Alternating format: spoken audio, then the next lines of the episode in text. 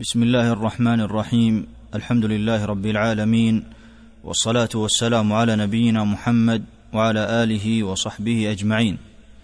أما بعد فهذا درس من دروس شرح ثلاثة الأصول للإمام العلامة الشيخ محمد بن عبد الوهاب رحمه الله تعالى. قال رحمه الله وهو ثلاث مراتب الإسلام والإيمان والإحسان. وهو أي الدين على ثلاث مراتب أي منازل الإسلام مرتبة والإيمان مرتبة والإحسان مرتبة. وأهل دين الإسلام يعني كل المسلمين لا يخلو حالهم من إحدى هذه المراتب إما أن يكون في مرتبة الإسلام أو يرتفع إلى مرتبة الإيمان أو يرتفع إلى مرتبة الإحسان. وقد ينتقل المسلم من مرتبة إلى مرتبة أعلى منها أو أدنى منها على قدر طاعته لله أو بعده عنه. فقد يكون المرء في دائرة الإسلام فتزيد طاعاته فيرتقي إلى مرتبة الإيمان ثم قد يزيد حتى يصل إلى مرتبة الإحسان. وقد يكون العبد في دائرة الإيمان فيعمل السيئات فينتقل إلى دائرة الإسلام وأول تلك المراتب الإسلام وأوسطها الإيمان وأعلاها الإحسان. ومن وصل إلى العليا وهي الإحسان فقد وصل إلى ما قبلها وهي الإسلام والإيمان. فالمحسن مؤمن والمؤمن مسلم. وأما المسلم فلا يلزم أن يكون مؤمنا يعني من كان في دائرة الإسلام فليس معناه أن يكون في دائرة الإحسان أو الإيمان. فمن كان في دائرة الإسلام لا يرتقي إلى ما هي أعلى منه إلا بالطاعات. قال أبو سليمان الخطابي رحمه الله فأكثر ما يغلط الناس في هذه المسألة وهي مراتب الإيمان وارتقاء العبد من مرتبة إلى مرتبة أعلى منها أو نزوله من المرتبة العليا إلى مرتبة أدنى منها. فالمرتبة الأولى وهي مرتبة الإسلام هي أوسع المراتب وأرحبها وهي أقل مراتب الدين. أوسع المراتب وأرحبها لأن من دخل في هذا الدين فهو يصل إلى هذه المرتبة. فالمرتبة الأولى هي مرتبة الإسلام وهي أوسعها وأرحبها.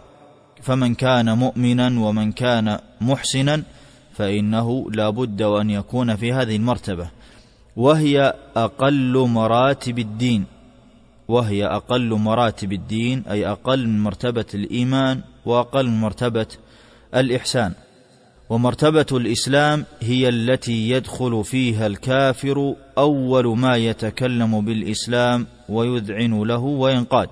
قال سبحانه قالت الأعراب آمنا قل لم تؤمنوا ولكن قولوا أسلمنا ولما يدخل الإيمان في قلوبكم ولا يخرج العبد عن مرتبة الإسلام إلا الكفر بالله والشرك المخرج من الملة أي أن مرتبة الإسلام هي أوسع المراتب ومن دخل في هذا الدين أول مرتبة يقع فيها هي مرتبة الإسلام. وهذه المرتبة هي أدنى مراتب الدين لأن مراتب الدين الإسلام ثم أعلى منها إذا عمل العبد الطاعات يرتقي إلى مرتبة الإيمان فإذا أكثر من ذلك أيضا يرتقي إلى مرتبة الإحسان. ومرتبة الإسلام هي أدنى مراتب الدين ولا يخرج العبد عن تلك المرتبة إلا إذا كفر بالله عز وجل والعياذ بالله أو أشرك مع الله غيره. وليس هناك مرتبة أدنى من مرتبة الإسلام فلا يخرج عنها عن دائرة الإسلام إلا بالكفر والشرك بالله. هذه هي المرتبة الأولى وهي مرتبة الإسلام. المرتبة الثانية هي مرتبة الإيمان وهي التي تلي مرتبة الإسلام في العلو وهي أضيق من مرتبة الإسلام أي أن مرتبة الإسلام هي المرتبة الأولى ثم الأعلى منها مرتبة الإيمان وهي أضيق من مرتبة الإسلام من ناحية أهلها فهم أقل من مرتبة الإسلام. وكل خصلة من خصال الإيمان داخلة في الإسلام. قال ابن أبي شيبة رحمه الله لا يكون إسلام إلا بإيمان ولا إيمان إلا بإسلام. فكل خصلة من خصال الإيمان داخلة في الإسلام. فما كان من الأعمال الباطنة مثل الخوف والرجاء والمحبة والتوكل فوصف الإيمان عليه أغلب من وصف الإسلام. وما كان من الأعمال الدينية الظاهرة مثل تلاوة القرآن والصدقة والذكر والشهادتين والصلاة وأنواع العبادات التي تظهر ويطلع عليها الناس فوصف الإسلام عليها أغلب من وصف الإيمان. فدائرة الإسلام أوسع من دائرة الإيمان كما أن دائرة الإيمان أوسع من دائرة الإحسان. فهذه هي المرتبة الثانية من مراتب الدين وهي مرتبة الإيمان وهي التي تعلو مرتبة الإسلام في العلو وهي أضيق من مرتبة الإسلام. وكل مؤمن فهو مسلم وليس كل مسلم فهو مؤمن. والمرتبة الثالثة من مراتب الدين هي مرتبة الإحسان وهي أعلى من مرتبة الإيمان وهي أضيق المراتب وأعلى المراتب وأهلها قليلون وهي مرتبة عالية عزيزة وهي مرتبة الإحسان. لا يرتقي إليها إلا عباد الله المحسنون وينبغي للعبد أن يسعى إلى أن يصل لهذه المرتبة العالية من مراتب الدين بالإكثار من الطاعات والقرب من الله. وهذا التفصيل لمراتب الدين أخبر به النبي صلى الله عليه وسلم في حديث جبريل المشهور الذي سيذكره المصنف رحمه الله وجاء به أيضا القرآن الكريم. فجعل القرآن الأمة على هذه الأوصاف الثلاث.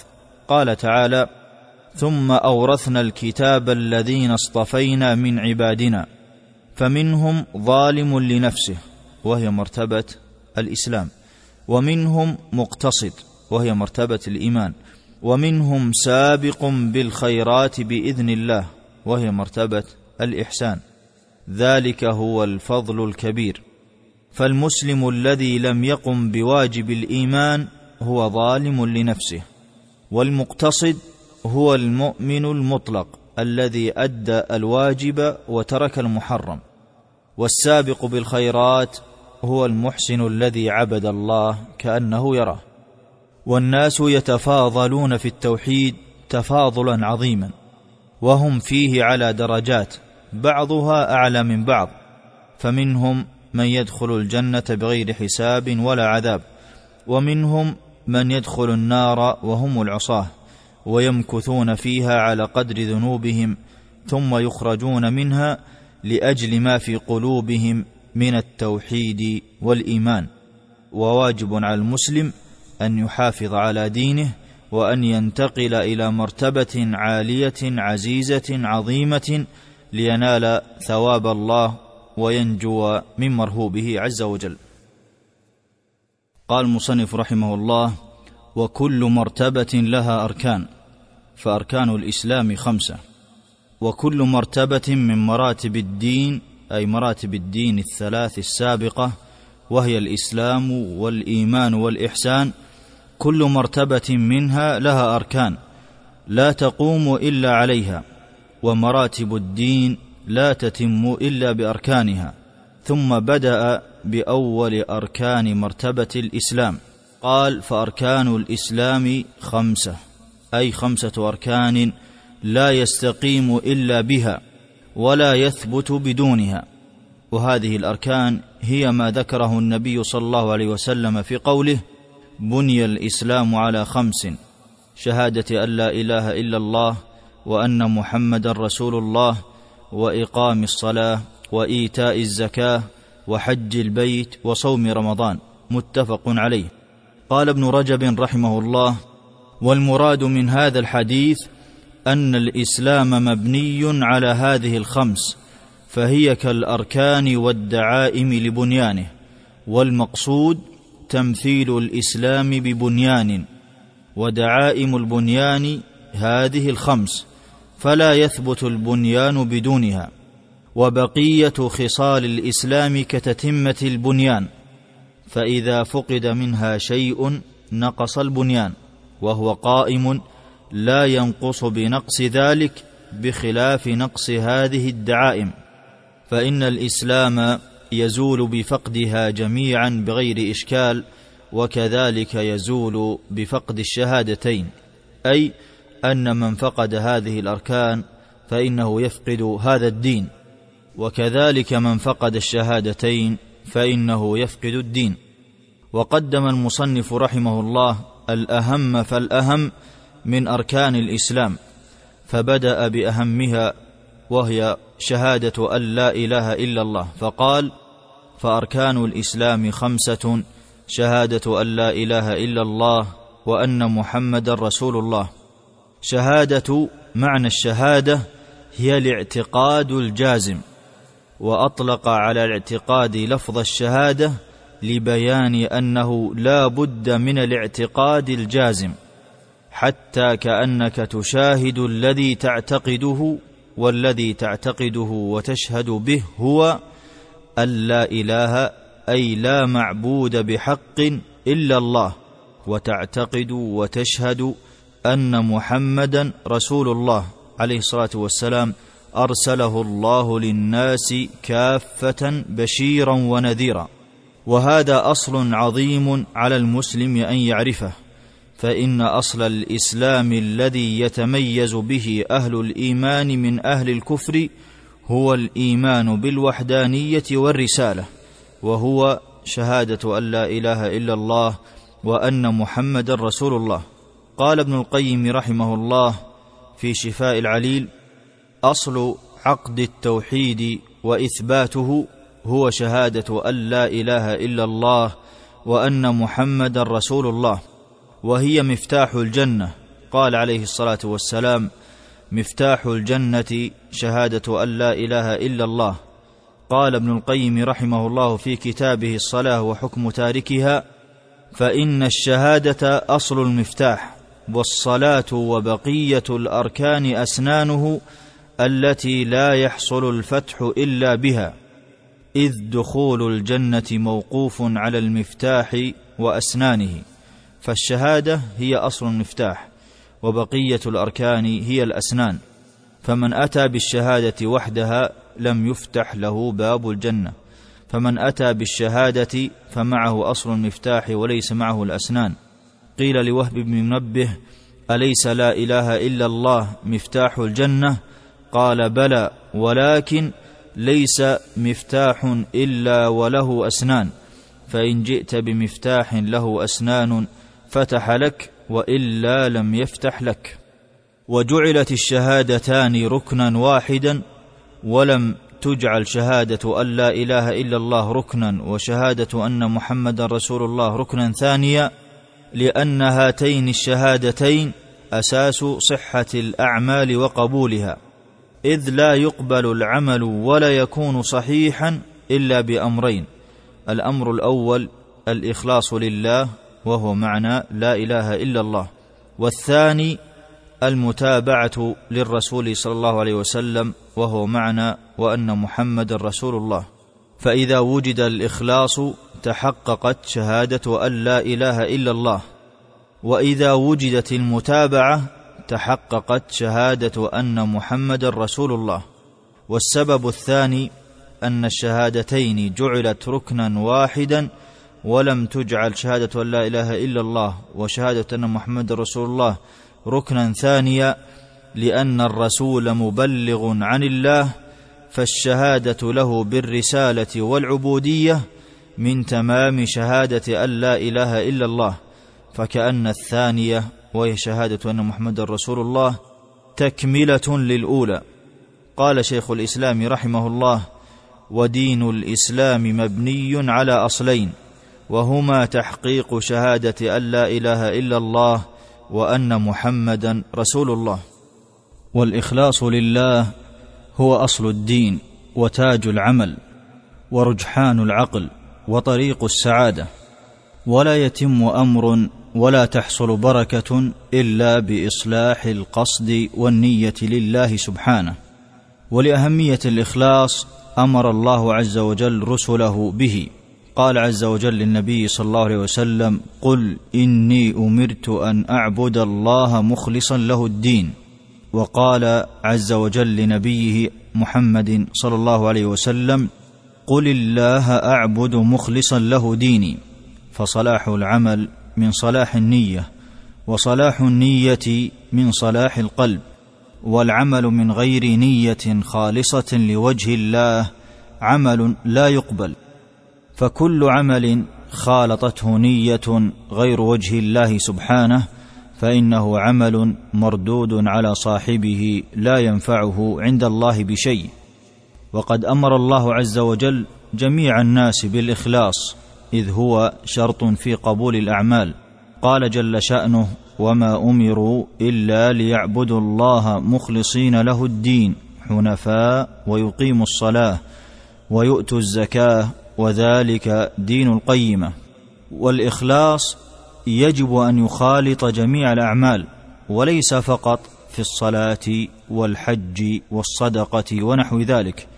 بل كل عمل يجب أن يبتغى فيه وجه الله وحده. كبر الوالدين فلا تبر بوالديك من أجل أن يثني الناس عليك وكذلك صلة الرحم. لا تصل رحمك تطمع ما عند الناس من مصالح ونحو ذلك. وكذلك تفريج الكروب اجعلها لوجه الله عز وجل. لا تريد بذلك رتبة من رتب الدنيا. وكل أمر أمر الله به سبحانه من الكلام الطيب ونحو ذلك يجب فيه الإخلاص لأنه عبادة وكل عبادة يشترط فيها الإخلاص. وضابط الإخلاص أن تكون نيتك في هذا العمل لله لا تريد بها غير الله لا تريد رياء ولا تريد سمعة ولا تريد رفعة ولا تريد ثناء ولا تزلفا عند الناس ولا تترقب منهم مدحا ولا تخشى منهم قدحا. فإذا كانت نيتك لله وحده ولم تزين عملك من أجل البشر فأنت مخلص. قال الفضيل بن عياض رحمه الله العمل لأجل الناس شرك. وترك العمل لأجل الناس رياء والإخلاص أن يعافيك الله منهما أي أن يعافيك من الرياء وأن يعافيك من العمل لأجل الناس. فالواجب إخلاص العمل له وحده ولا يتطلع العبد لأحد وليدخل نفسه في قوله عز وجل قل إن صلاتي ونسكي ومحياي ومماتي لله رب العالمين لا شريك له وبذلك أمرت وأنا أول المسلمين. أي اجعل جميع أعمالك وما تحيا عليه وما تموت عليه اجعلها خالصة لرب العالمين. وأكد ذلك الأمر في قوله لا شريك له وبذلك أمرت وأنا أول المسلمين. فلا يصح إسلام عبد إلا بإخلاص النية لله عز وجل في العمل. فكن مخلصا في جميع أعمالك له سبحانه فهو شرط عظيم من شروط قبول العمل الصالح. والشرط الثاني المتابعة للنبي صلى الله عليه وسلم. وقد أمرنا الله سبحانه بأن نتابعه عليه الصلاة والسلام فيما شرعه لنا. قال سبحانه قل إن كنتم تحبون الله فاتبعوني يحببكم الله ويغفر لكم ذنوبكم وأمرنا جل وعلا بأن نطيعه عليه الصلاة والسلام فقال وأطيعوا الله وأطيعوا الرسول وجعل عز وجل من أسباب الهداية والسعادة هي طاعته عليه الصلاة والسلام قال جل وعلا وإن تطيعوه تهتدوا وكل عمل يعمله المرء ليس مقتفيا فيه أثر النبي صلى الله عليه وسلم فإن عمله مردود عليه. قال عليه الصلاة والسلام من عمل عملا ليس عليه أمرنا فهو رد لهذا يجب على المسلم ألا يعمل أي عمل حتى يعلم أن النبي صلى الله عليه وسلم قد شرع لنا ذلك العمل. فلا يبتدع اعمالا وإن كانت صالحة ويظن فيها الخير. هذه العمل فيها مردود على صاحبه ولا يؤجر عليها بل إنه يأثم على ذلك الفعل لأنه لم يتبع شرع النبي صلى الله عليه وسلم وكذلك من عبد ربه بالأهواء والرؤى والمنامات فيعمل اعمالا صالحة يقول أنا أفعلها لأني رأيت في المنام كذا وكذا أو يتبع هواه وإذا قيل له لم يثبت ذلك عن النبي صلى الله عليه وسلم يقول إن نيتي في ذلك صالحة والنية الصالحة إذا لم توافق هدي النبي صلى الله عليه وسلم فإن حسن النية لا يدل على قبول العمل وعلى حسنه. بل إن حسن العمل وقبوله لا يتم إلا بالشرطين السابقين وهما الإخلاص لله تعالى والمتابعة للنبي صلى الله عليه وسلم. وأكثر من الدعاء كثيرا أن يجعلك من عباده المخلصين المقتفين لأثر النبي صلى الله عليه وسلم. ثم قال المصنف رحمه الله فأركان الإسلام خمسة شهادة أن لا إله إلا الله وأن محمدا رسول الله وإقام الصلاة وإيتاء الزكاة وصوم رمضان وحج بيت الله الحرام. الركن الأول سبق وهو شهادة أن لا إله إلا الله وأن محمدا رسول الله. والركن الثاني من أركان الإسلام إقام الصلاة أي أداؤها في وقتها بشروطها وأركانها وواجباتها. وقد تكاسل بعض الناس عن أداء الصلاة فلا يؤدون إلا بعض الصلوات. فترى بعض الناس لا يصلي في الأسبوع إلا صلاة الجمعة وبعضهم لا يصلي في الأسبوع سوى ثلاث صلوات ونحو ذلك. ومن أدى صلاة وترك صلاة فكأنما ترك جميع الصلوات. فإن من ترك صلاة واحدة متعمدا فإن جميع صلواته لا تقبل. والله عز وجل لا يعبد بالأهواء إذا كان المرء نشيطا يصلي وإذا كان مشغولا في أمور الدنيا يترك الصلاة. من فعل ذلك والعياذ بالله فقد خرج من دين الإسلام. قال عليه الصلاة والسلام في الحديث الصحيح العهد الذي بيننا وبينهم الصلاة. فمن تركها فقد كفر. فشأن الصلاة عظيم. هي الفيصل بين الإسلام وبين الكفر. وبعض الناس لا يصلي الفجر إلا بعد طلوع الشمس.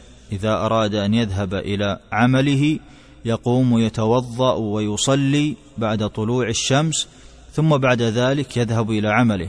هذا والعياذ بالله أداؤه للصلاة متعمدا بعد خروج وقتها كأنه لم يؤد تلك الصلاة لأن الله عز وجل وضع لكل صلاة وقتا فلا يصلي العبد في الأوقات التي يجعلها لنفسه بل إن أوقات الصلوات الذي حددها هو رب العالمين.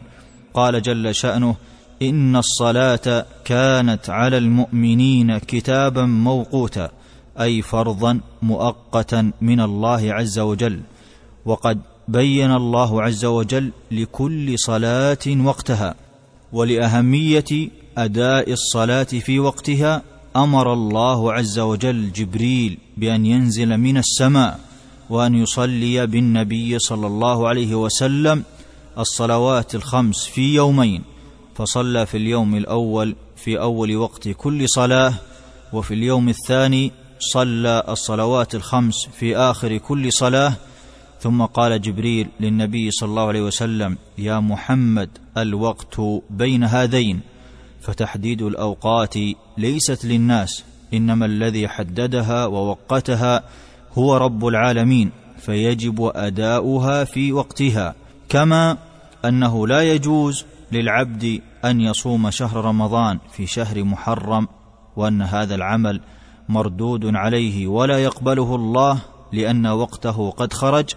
فكذلك الصلاة إذا خرج وقتها والشخص متعمد لذلك فإن الصلاة حينئذ لا تقبل ويجب على المسلم أن يهتم بالصلاة وبأدائها والخشوع فيها ويجب عليه أيضا أن يأمر أولاده بالتوجه إلى الصلاة للصلاة في المساجد مع جماعة المسلمين ولا يجوز أن تصلى الصلوات في البيوت بل من سمع الأذان يجب عليه أن يتوجه إلى المسجد.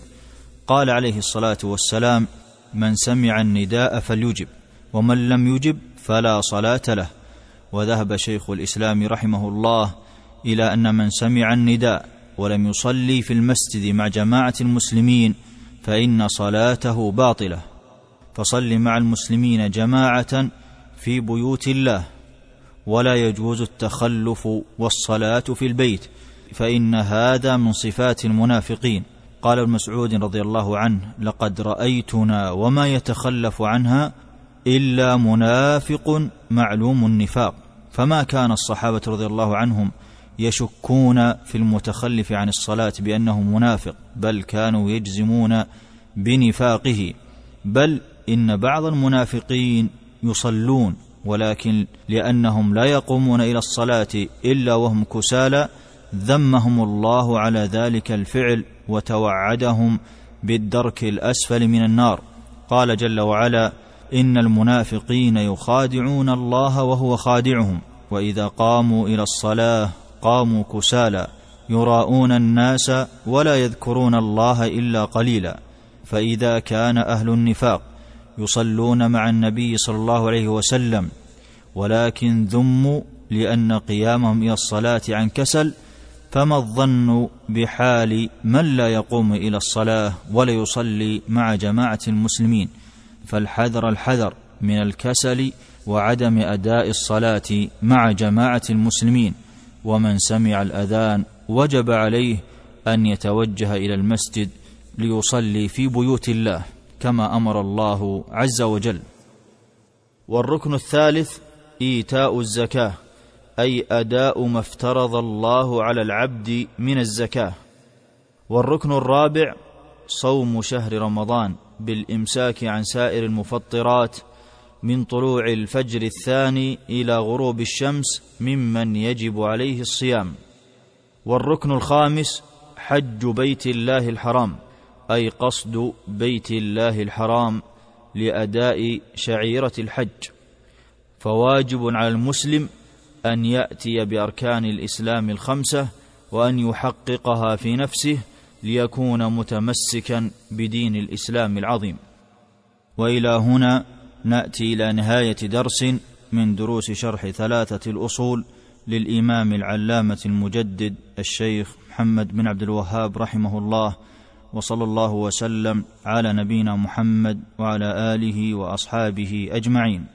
تم تنزيل هذه المادة من موقع نداء الإسلام www.islam-call.com